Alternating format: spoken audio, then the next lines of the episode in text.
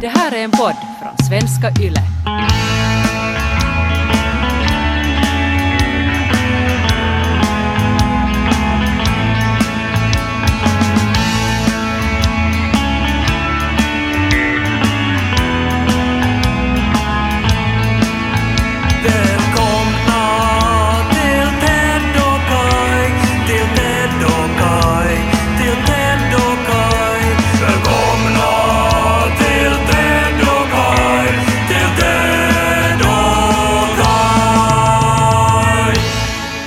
Du vet ju Kaj, eh, på deodorant så står det ju antiperspirant på det. Ja, på, Så- inte på alla. Det finns ju deodorant som Nej. inte är antiperspirant Nej, men du också. vet just sådana där deodoranter som är antiperspirant. Ja, de är ju just gjorda för de som svettas mycket. Ja. Så att det på något vis täpper till. Ja, tänk om istället för perspirant så skulle det stå persbrant. Att det skulle stå antipersbrant. Eh, och att det skulle finnas spray som man sätter under armarna som skulle på något sätt se till att man inte träffar vissa personer under 48 timmar. Mm. Nu märker jag att du på något vis har regresserat till det här Teds nya ord-stadiet på Nej, något sätt. Nej, Att du utan... vill lä- lägga ihop antiperspirant och Mikael Persbrandt Ja, det, och man, få antipersbrandt. Jag förstår att du har varit med tidigare och tänker spontant på att det är en likadan situation. Men nu är det inte, utan nu är det liksom ett steg vidare, tänker jag.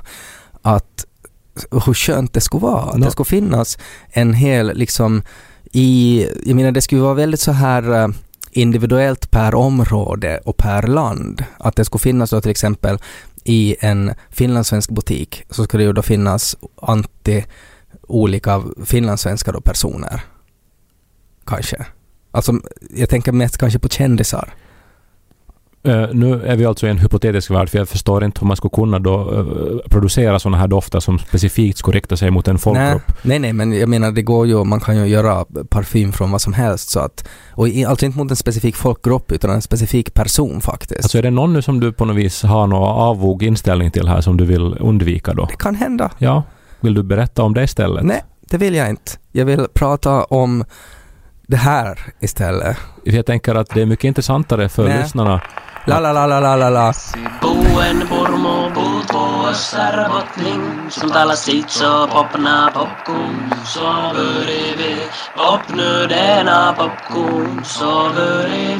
Lys på Kai Men har inte alla såna där, alltså människor som man på något sätt vet att bara av att om jag ser den här människan så blir min dag lite förstörd. Ja, men jag tänkte ju nu, för du utgick från dofter och det vet ju allihopa att dofter är ju jätteviktiga för om man gillar en människa eller inte. Ja. Jag, jag hade ju en så här, vi, vi, vi hade någonting på gång. Vi var på dates och, och vi åt middagar hemma hos varann. Mm. Men det var så här, doften funkar inte. Att jag, alltid när vi var nära så var det, det var någonting fel med doften. Han hade använt antikorkeaho under armarna. Men det är ju jättekonstigt eftersom han var intresserad av mig. Ja. Men jag tror att han, hans kropp medvetet producerade antikorkeaho. Mm. Och, och det där är ju en tragedi. Ja. För han- det kan man ju inte styra. Nej.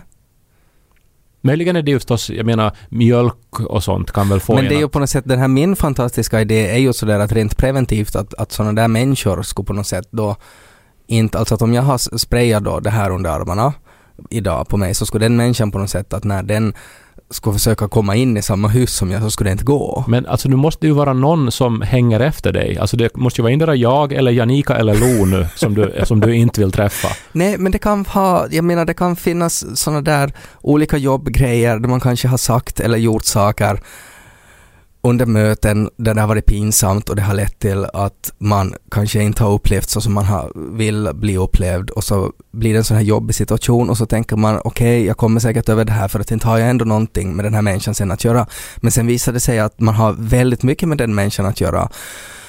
Och det är kanske på ett annat språk som man inte riktigt behärskar, vilket gör att så här smaltak blir jättejobbigt och att varje gång jag ser den här människan så blir jag påmind om den där känslan av skam och misslyckande.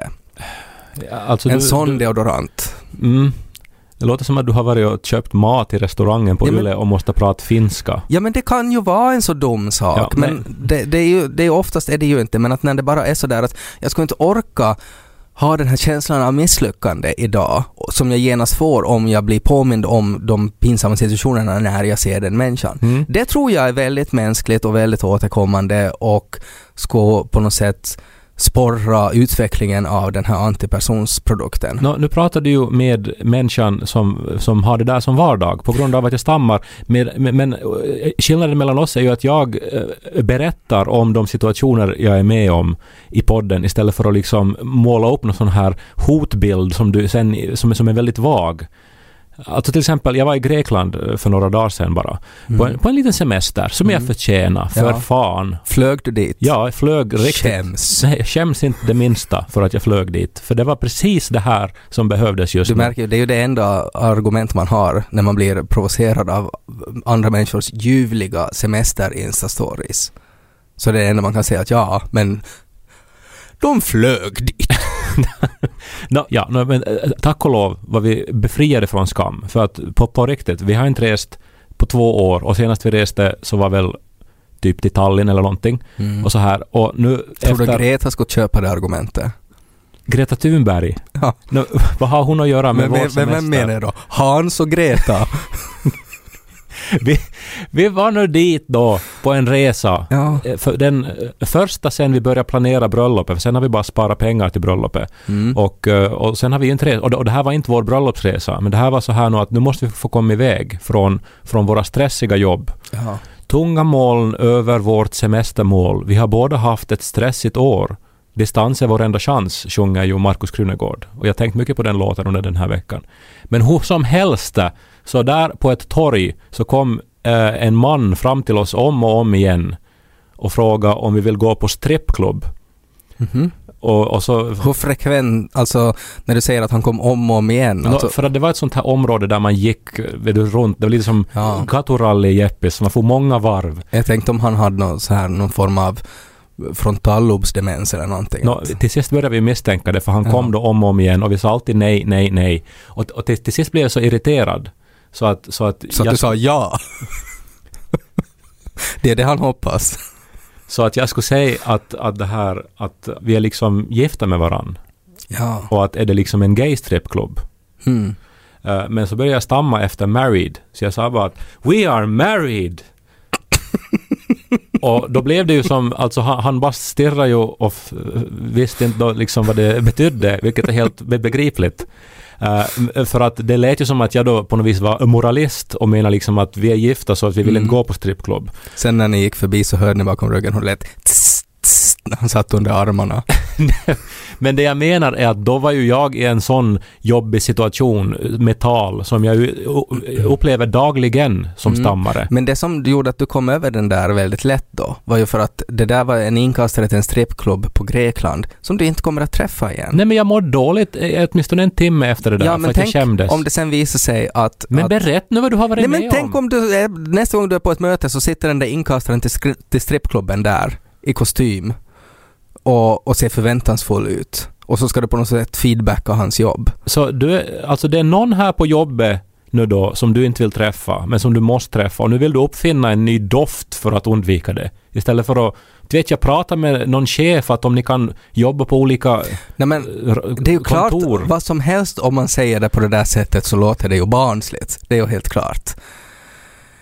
Jag menar bara att jag eh, har ju en sån här fysisk orsak till att inte vilja prata med människor. Som jag lät stoppa mig under, eh, no, ska vi säga, största delen av mitt liv. Men de senaste 15 åren ändå så har jag insett att så kan man ju inte leva sitt liv. Man måste ju bara liksom ta det som en vuxen man och gå rakt in i situationen. Göra det bästa av eh, situationen.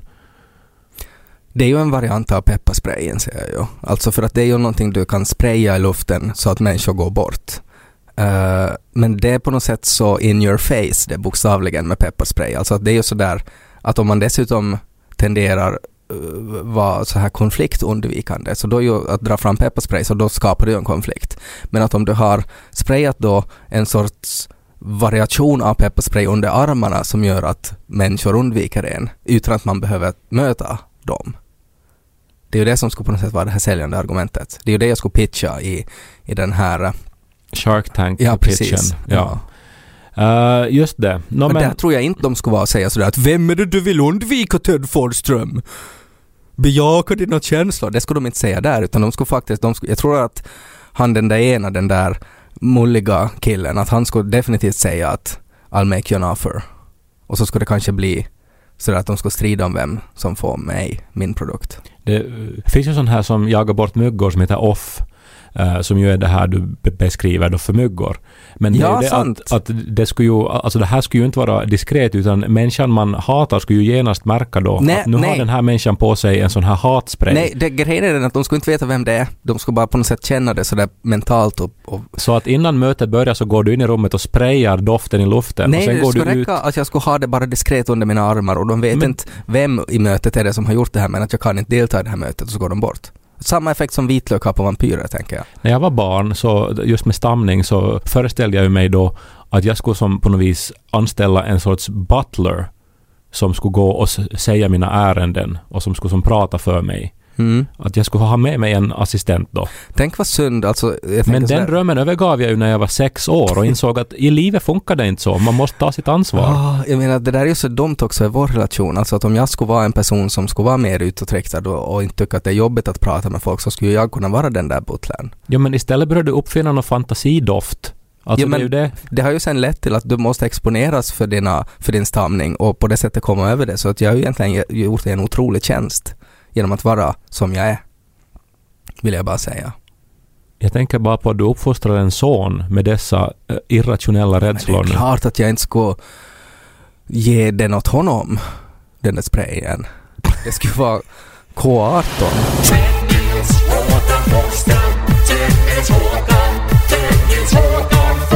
Jag tyckte om kröningen då. Kröningen av vem? Nej men, kröningen av Jag har, varit, Naruhito. jag har varit i Grekland. Ja men det här hände idag.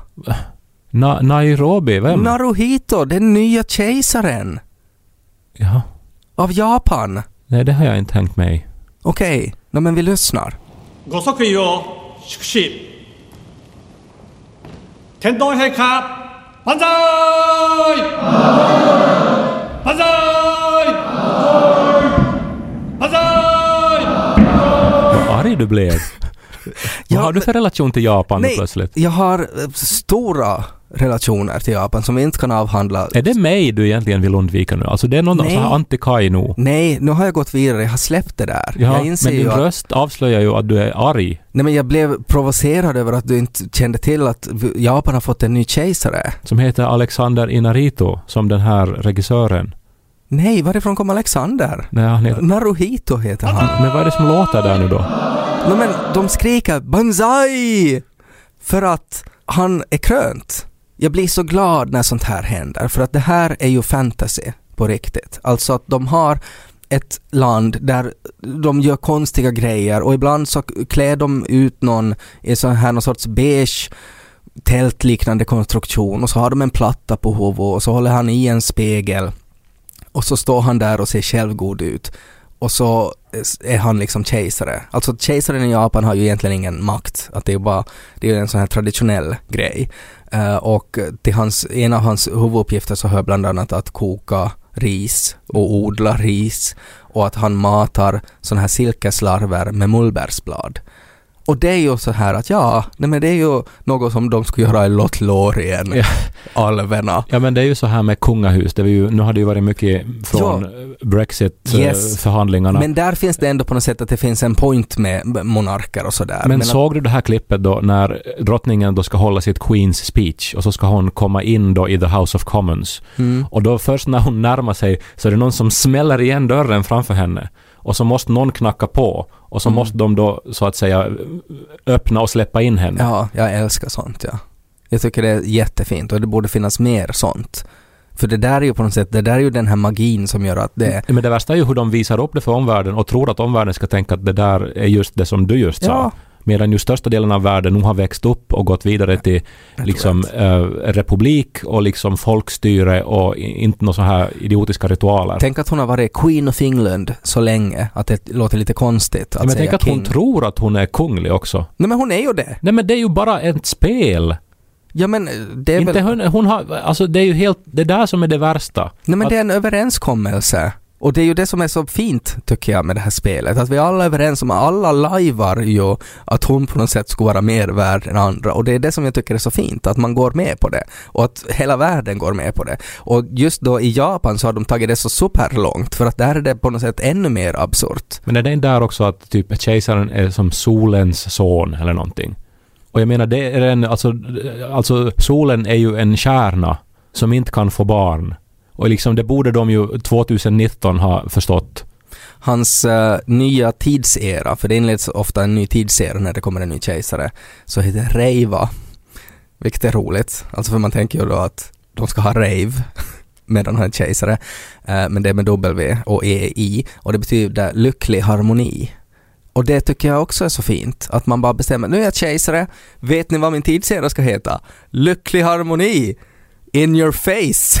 Det var så roligt det. Förstår du inte, vad, liksom, tycker du inte på något sätt att det här är roligt? Nej, nej, jag, jag, Och, så, och när, när de skriker då Banzai, vi lyssnar ännu en gång. Banzai! Så var tanken var att man skulle göra det överallt i Japan på samma tillfälle. Det som jag ju ser här är att det, alltså det som det här gör ju är att det sammanför människor. Alltså kring Mm. någon sorts re, ritual, någon sorts sån här märklig tro på att någonting är, är på ett visst sätt. Ja men det är ju som en form av religion. Om man tänker sådär rent primitivt hur religion bildades så var det ju för att det ska finnas en sorts sätt att styra folk, ett sätt att ge folk mening och, och sådär. För att det är ju psykologiskt bevisat att har man mening med sitt liv så mår man bättre. Och det behövdes ju då under medeltiden när man liksom levde i lera. Så då kunde man ju säga, nå åtminstone jag lever i lera, men vet ni varför jag gör det? Någon sa att kungen ska må bra. Och det tycker jag är fint. Och jag önskar att vi skulle ha en kejsare i Finland också. Jag, jag bor ju mitt emot eh, den här backen där det var tänkt att Finlands kungliga palats skulle vara. Mm, de de hade minns- ännu var tänkt att Finland skulle ha en kung. Jag minns du jag berättade. Ja, så att eh, eh, jag, jag är ju också ledsen att vi inte har en kung just Mm. för fastighetsprisernas del. Mm. För att då skulle ju min lägenhet vara värd mycket mer, Mm. tänker jag. För att vi bor bredvid kungen. Han ska skriva dikter också, Naruhito. Alltså det är hans viktigaste uppgift att mata de här silkeslarverna och så ska han skriva poem. Hur gammal är den här typen då? Nå, han är väl lite äldre än oss. För jag tänker det här är säkert någon sån här, ja okej. Att- Är du någon ung människa då som tror att, att hen är jätteviktig? Nej, han är väl, alltså tror jag, typ marinbiolog eller någonting. Annars. Mest respekt var väl var det Hollands kronprins som i hemlighet har jobbat som pilot i 20 år och liksom åkt, alltså Hurradan pilot. passagerarflygspilot. Så att han har Okej. liksom kört människor över hela världen då. Bidragit till otroliga utsläpp. Men, och han har liksom gjort det helt inkognito. Och just för alltså då KLM som ju är då alltså det här eh, holländska flygbolaget. Och liksom att eh, de som då, alla tusentals passagerare har inte haft någon aning om att det är deras prins som flyger dem. Det tycker jag är coolt. För att han Mm. vill ha ett vanligt jobb. Och det är ju det, är man kunglig om någon, om någon säger till mig att jag är kunglig, så, så mitt största uppdrag är att inte ta det på allvar. Utan då vara så här att okej, okay, men ni påstår det, men jag tänker ändå bli pilot. Ja. Och inte börja odla några jävla larver. Nej men för jag, alltså jag skulle väl på något sätt, det som det väl bottnar i är väl någon sorts sån här fantasi om att jag skulle vilja liksom så här hänge mitt liv åt en kunglighet. Och på det sättet få då mening och ett mål. Men herren, herren då? Du kan ju, alltså det Nej. låter som att du vill vara religiös. Nej, jag vill inte vara religiös, för det funkar inte. Jag, jag kan inte liksom tro på en gubbe i molnen, men jag kan tro på en gubbe på en tron som jag fysiskt kan liksom få beröm av och att han kan dubba mig och han kan ha fiender som jag dräper framför hans ögon och så knäböjer jag mig och lyfter upp dödskallen av hans största fiende. Den här helgen är det ju Helsingfors bokmässa och då ska vi gå hand i hand till något av de många fina stånden med böcker och så ska vi köpa vanliga böcker till dig så du får läsa någonting annat och få någonting annat i livet. La la la la la la la.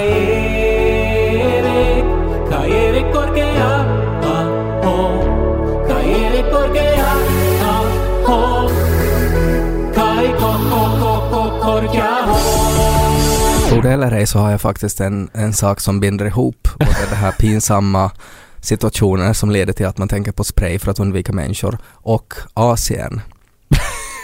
Du vet Justin Trudeau och hela den här blackface-skandalen. Du vet. Ja, ja, jag tycker den är fånig. Ja. Okej, vi ska inte gå in på det. Mm. Eh, men i något skede så var det, eh, jag tror jag såg på Twitter att det var någon kändis som hade skrivit att, att hur svårt är det att gå igenom ett liv utan att göra blackface.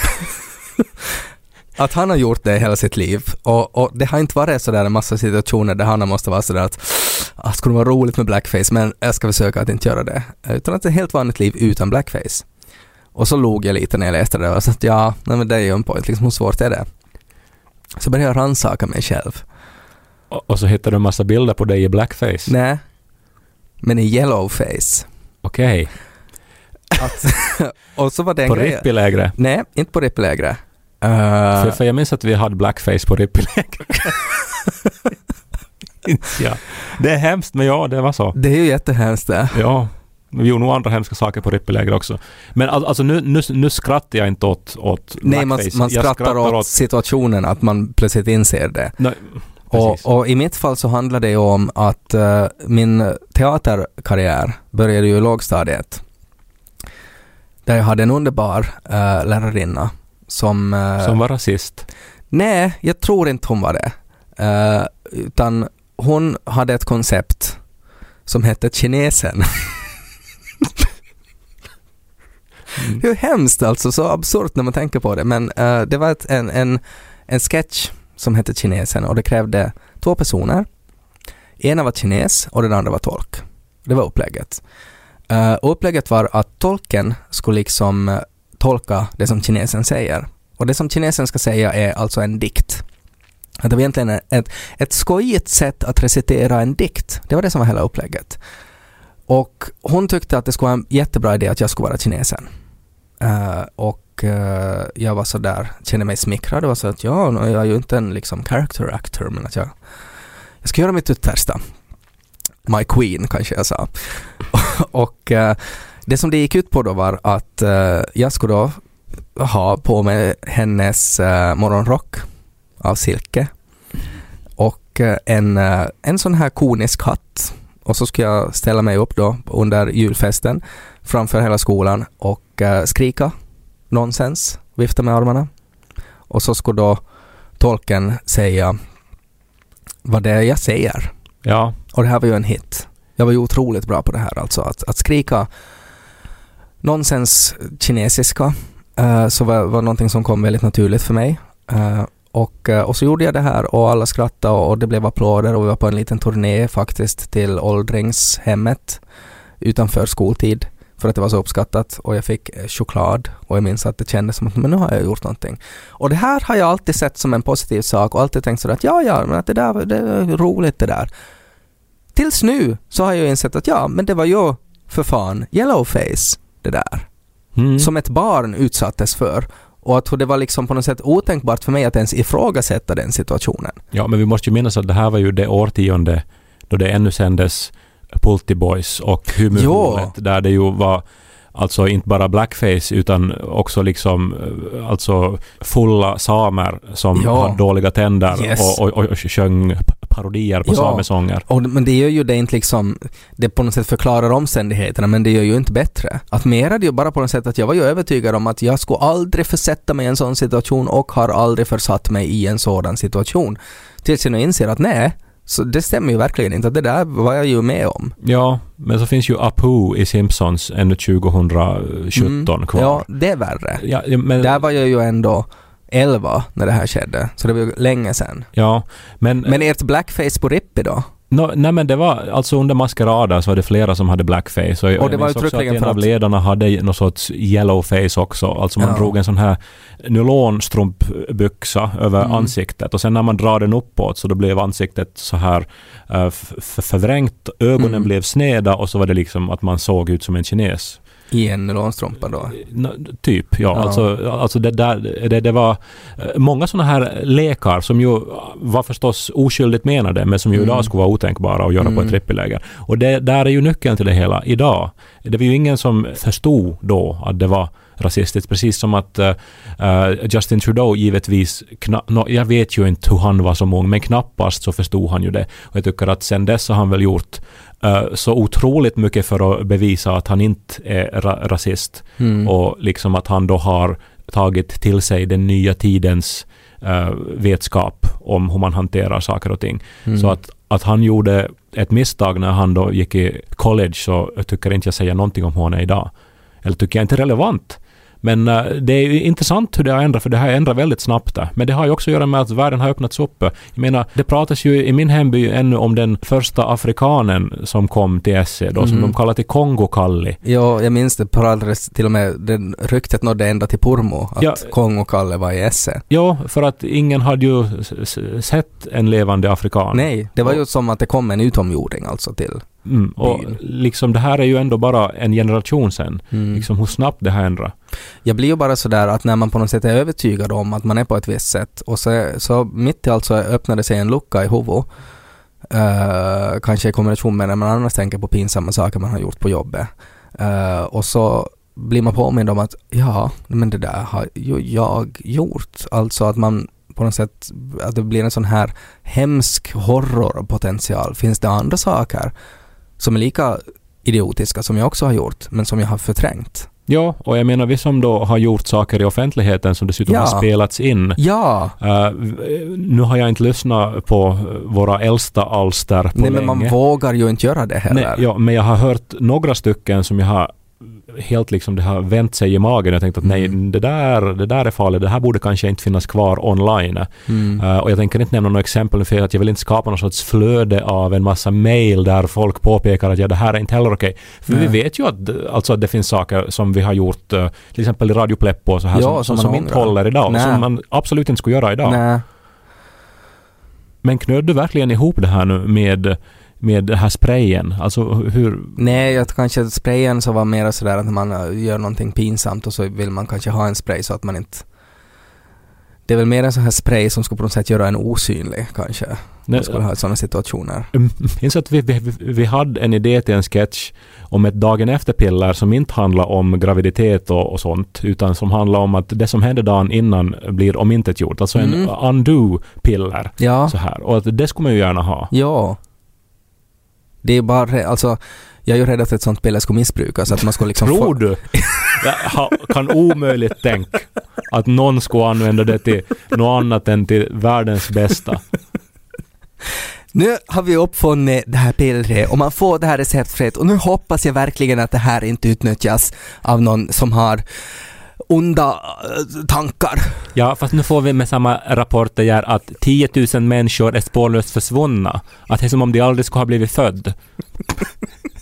Det är som att någon ska ha tryckt det här pillret in i käften på dem. Jag hoppas att vi har några minuter kvar åtminstone av vår poddtid idag, för jag hade ju en sak jag Jag, ville... jag är ledsen att jag har pratat om mina affärsidéer och min rasistiska barndom. Nej, jag är jätteglad att du har öppnat upp dig och pratat om dig, för God knows att jag tar mycket plats i den här podden. Ja. Men nu skulle jag ändå, för det var en viktig sak jag skulle vilja ha din hjälp med. Du vet ju att jag älskar konst. Eh, Mm. Om vi nu ska knyta ihop det här med Japan så jag köpte ju nyligen ett japanskt träsnitt Vilket du inte riktigt förtjänar tycker jag. Om 1800-talet. man inte känner till att kejsar Hirohito har kröntes den dagen. Så, då kan man ändå älska Hokusai och hans uh, fantastiska... Nej, det borde komma en liten delegation och, och vara en liten fanfar och så skriker de banzai när de lyfter ner träsnittet från din vägg. Ja, men eh, problemet när man då älskar konst och och vill ha den på sin vägg eh, är ju att stor del av de ska vi säga, kändaste konstnärerna, de finaste verken som man kanske stöter på då i, eh, på internet eller på eh, museer, så är ju omöjliga att någonsin äga själv för att de är så otroligt dyra. Mm. Det förstår du ju. Och, så, och, och bra att konst finns på museer så alla får njuta av det. Men Mm. man vill ju också ha konst hemma. Det finns en massa begåvade konstnärer där ute som har tavlor till salu för förmånliga priser. Ja, det vet jag. Jag köper dessa gärna om jag gillar dem. Mm. Och det brukar jag också göra. Men nu skulle jag jättegärna vilja ha en Banksy hemma på min vägg. Mhm. Och nu vet du vem Banksy är förstås. Ja. Alltså den här, uh, no, det är ju ett, eh, han är ju anonym, eller hen, eller hon, eller en grupp, eller vem det är. Ja, man Ja. vet ju inte. Det var ju nyligen alltså så var ju, hade ju då Banksy haft ett litet stånd alltså någonstans i London var det väl och sålt sin konst otroligt billigt. Ja, precis så är det. Och alltså det här då var en sån här pop-up store som existerar några timmar typ. Mm. Och han sålde original och ingen trodde liksom Men nu har han det. också öppnat då en online-butik. Mhm. Och eh, så att man då alltså kan köpa då hans konst då. Men går det inte lite emot hela filosofin bakom Banksy där? Nå, det skulle man ju tro, ända tills man då kommer till checkouten då, när man då har lagt sitt fina original Banksy-konstverk i köpkorgen, så Då ska man skriva i sin adress och så vidare. Men sen kommer en fråga och så måste man skriva ett svar på frågan. Och svaren kommer att bedömas av en stand-up-komiker. Och bara de roligaste svaren kommer att få köpa tavlan. Det är jättesmart det. Så där ska jag göra med min spray också. Men så nu vill ju... Det är ju jättesmart Ja, alltså. nå, alltså- Att man vill på något sätt att någonting man har skapat och någonting man har förvaltat och nu ska man sprida det vidare, att det ges till rätt person. Ja, nå, alltså han menar ju förstås, eller han, vi vet inte, Banksy menar I mitt huvud så ser Banksy ut som en manlig clown. Jag har tänkt att det är liksom en grupp kanske som kallar sig för Banksy. Mm. Men no, ja, Banksy vill ju att så att säga vem som helst ska ha möjlighet att äga hens konst. Då. Mm.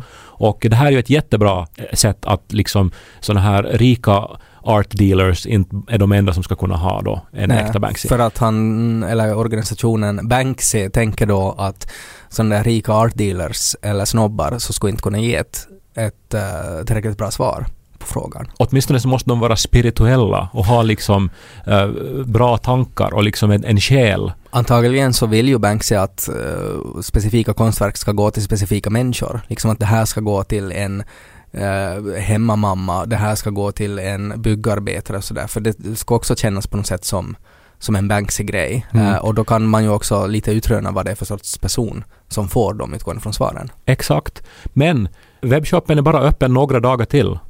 Och nu skulle jag behöva då alltså det roligaste, mest spirituella svaret på den här frågan. Nå, vad är det för fråga då? Does art matter? Kan man svara det med en annan fråga, alltså att does fart matter? Man får, man får svara precis, det ska vara max 50 ord. Alltså att är konst betydelsefullt? Ja, eh, precis. Har konsten betydelse, typ. Mm. Och eh, max 50 ord. Och som sagt, det är väl en, en eh, ledtråd då att det alltså är en, en, en professionell ståuppkomiker som ska bedöma svaren. Det är inte Banksy själv då. Om inte Mm. Banksy är en professionell ståuppkomiker, det vet vi ju Mm. inte. Eh, jag är inne på att svaret borde vara någonting sådär att, att man borde skapa en lustig situation kring när den här frågan ställs. Alltså där does art matter? Och så ska man svara sådär att på vilket sätt är det relevant just när vi håller på att krascha med flygplanet? Eller någonting. In a plane crash, no. Ja. But in Kais apartment, yes. Mm. S- Inte helt dåligt. Men alltså någonting mot det hållet tror jag. Ja. Eh, eller är det liksom fel att tänka att man borde vara rolig då? Att, att man, alltså att man borde som istället vara liksom så här... Står det uttryckligen att stand-up comic will judge your answer? Ja, det är när man läser terms and conditions som Ja. är skrivna på ett väldigt roligt sätt, så jag läste dem. Så då tänker man ju nog eh, att det förväntar sig en form av humor. Eftersom det redan finns det i nätbutiken. Ja, fast nu vet vi ju med ståuppkomiker att det är ju alltid en massa allvar inblandat i Ja. humorn och det kommer de här allvarliga stunderna innan skratten igen ska flöda. Mm. Så does art matter? Jag menar alltså det är ju det också. 50 ord, det är ju en fråga som, som, som är omöjlig att svara på liksom för att då måste man de, dels först definiera vad är art och sen måste man definiera vad är betydelse och, Ja, och, och så, det, och så vidare. man har ju konst i sjukhus. Eh, och där är det ju väldigt allvarliga saker som händer. I Vasa sjukhus nu så har ju, är det ju Vörå kommundirektör som har motsatt sig idén att köpa in konst till Vasa sjukhus då för att det är lull lull tycker kommundirektören. Uh, does art matter? In Vörå it is lallal. Skulle det vara en bra svar? Not in Vörå! Så ska man måste ha en liten asterisk. Vörå is a kommun in Österbotten. Kan man höra fel då? Vad låter Does Art Matter? Vad låter det som? Does Art Matter? Låter det som någonting kinesiskt?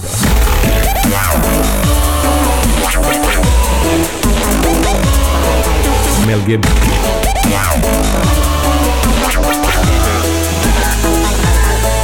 Halshopp.